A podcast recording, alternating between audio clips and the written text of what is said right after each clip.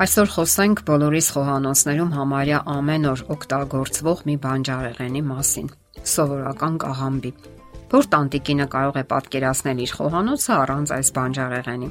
Այնինչ որ առումով կարելի է նույնիսկ սեղանի զարդ համարել։ Առանց նրա դժվար է պատկերացնել սալատները։ Գոյություն ունեն կաղամբի բազմաթիվ տեսակներ՝ բրուսելյան, բրոկոլի, գունավոր, կարմիր, պեկինյան եւ այլն։ Սակայն անկախ տեսակից դրանք բոլորն էլ հարուստ են օգտակար նյութերով Պարզապես մի փոքր տարբեր հարաբերակցությամբ։ Ընդ որում կաղամբը օգտագործում են տարբեր ձևերով։ Գիտեք, բորշ, սալատներ, թթու դրած եւ այլն։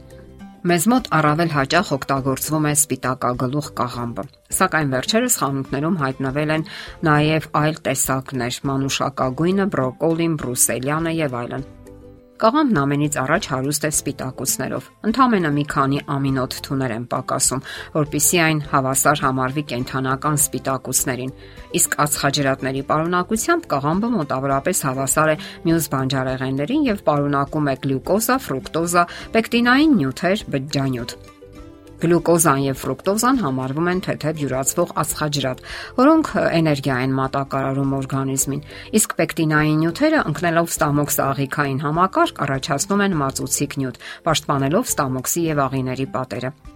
Դրանք խոչընդոտում են նաև թունանյութերի ներծծումը արյան եւ լիմֆայի մեջ, վերացնելով մի շարք նյութերի քիմիական սուր ազդեցությունը ստամոքսի եւ աղիների պատերի վրա։ Դրանով զգալիորեն նվազեցնելով լորձաթաղանթի բորբոքային գործընթացները եւ խոցերի առաջացումը։ Բջջանյութը, որից կառուցված են կաղամբի բջիջների պատերը, չի յուրացվում օրգանիզմի կողմից, սակայն այն միանգամայն անհրաժեշտ է մեր սննդին, որովհետև բարելավում է աղիների շարժողական կծկողական գործունեությունը։ Դրանից բացի, բջջանյութը կարևոր ազդեցություն է գործում աղիքային դրական միկրոֆլորայի զարգացման վրա ինչն անհրաժեշտ տարր է սննդի մարսողության եւ յուրացման գործում։ Կաղամբն աչքի է ընկնում նաև մակրո եւ միկրո տարերի համեմատաբար բարձր պարունակությամբ։ Դրանցից նշենք կալիումը, մագնիումը, ֆոսֆորը եւ երկաթը։ Այս ամենից բացի ցանկացած կաղամբ պարունակում է հենց բնության կողմից հավասարակշռված վիտամինների համալիր, A, B1, B2, B6, C, E, PP, U։ Ինչ վերաբերում է C վիտամինի քանակին, ապա այն բոլորովին էլ քիչ չէ, քան լիմոնի մեջ, սակայն չի առաջացնում դեմքի այն թթու արտահայտությունը, որը բնորոշ է լիմոնի դեպքում, որովհետև դրա մեջ օրգանական թթուները, լիմոնաթթուն, խնձորաթթուն եւ այլն անհամեմատ ավելի քիչ են, քան լիմոնի մեջ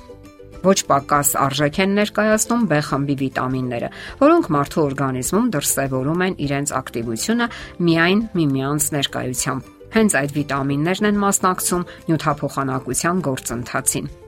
Կաղամբի մեջ արկա է մեկ այլ բացառիկ վիտամին՝ յուն, Այս վիտամինը հաճախ անվանում են հակախոցային գործոն։ Սա հիմնականում հանդիպում է սպիտակաթերթ կաղամբի մեջ, սակայն ունենալով մի շարք այլ օգտակար սննդային արժանինքներ եւ հատկություններ, այս կաղամբը ունի բավականաչափ կոպիտ բջջանյութ։ Այդ պատճառով էլ այս կաղամբը բացառվում է այն մարդկանց սննդային եւ բուժական ճաշացանկից, ովքեր տարապում են խոցային հիվանդությամբ, ինչպես նաեւ գաստրիտով, կոլիտով,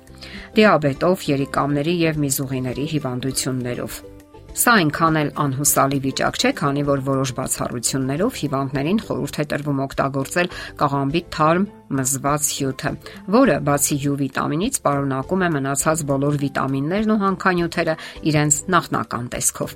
Իսկ բացառություն են կազմում այն հիվանդները, ովքեր ունեն ստամոքսի բարձր թթվայնություն։ Կաղամբի հյութը ուժեղացնում է ստամոքսի կծկողականությունը, անհետանում են ստամոքսի տհաճ երևույթները, արագանում է հաստաղու դատարկումը, բարելավում է լյարդի գործառույթը։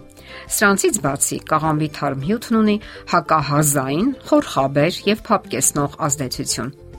Այն նշանակում են մրսածության հիվանդությունների ժամանակ, որոնք ուղեկցվում են հազով, ինչպես նաև բրոնխիտների դեպքում։ Կաղամբն ունի առանձնահատուկ համ եւ բույր, որը գրգռում է մարսողական գեղձերը։ Դա պայմանավորված է նրա մեջ պարունակվող ճարպանման նյութերով եւ օրգանական թթուներով։ Այդ պատճառով էլ ստամոքսահյութի ցածր թթվայնություն ունեցող հիվանդներին հաճախ խորհուրդ են տալիս օգտագործել թարմ կաղամբ, ինչպես նաեւ աղդրած կաղամբի հյութը։ Աղդրած կաղամբը օգտակար է նաև այն հիվանդներին, ովքեր տարապում են մետերիոիզմով, այսինքն ունեն գազերի կուտակումներ, ինչպես նաև քրոնիկական փոշկապություն եւ թութք։ Կաղամբի հյութը օգտագործում են բազմաթիվ տկարությունների ժամանակ։ Այն զարմանալի արագ բուժում է 12 մատնյա աղու խոցը։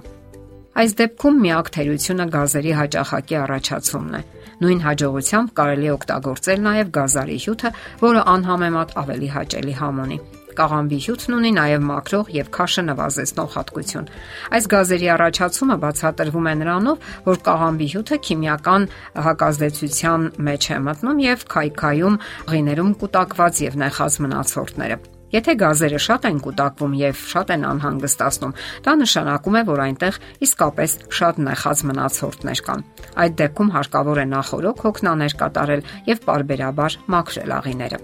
Նկատվել է, որ երբ աղիները լավ են յուրացնում կաղամբի հյութը, այդ ժամանակ այն գործում է որպես երկարատև մաքրող միջոց, հատկապես ճարպակալման դեպքում։ Դե ինչ, մեր տանտիկիներին խորհուրդ ենք տալիս խոհանոցում ավելի հաճախ օգտագործել կաղամբը իր բոլոր տեսակներով եւ դրսևորումներով։ Այն իսկապես օգտակար է եւ հիանալի սննդամթերք է։ Եթերում է առողջ ապրելակերպ հաղորդաշարը։ Հարցերի եւ առաջարկությունների համար զանգահարել 033 87 87 87 հեռախոսահամարով։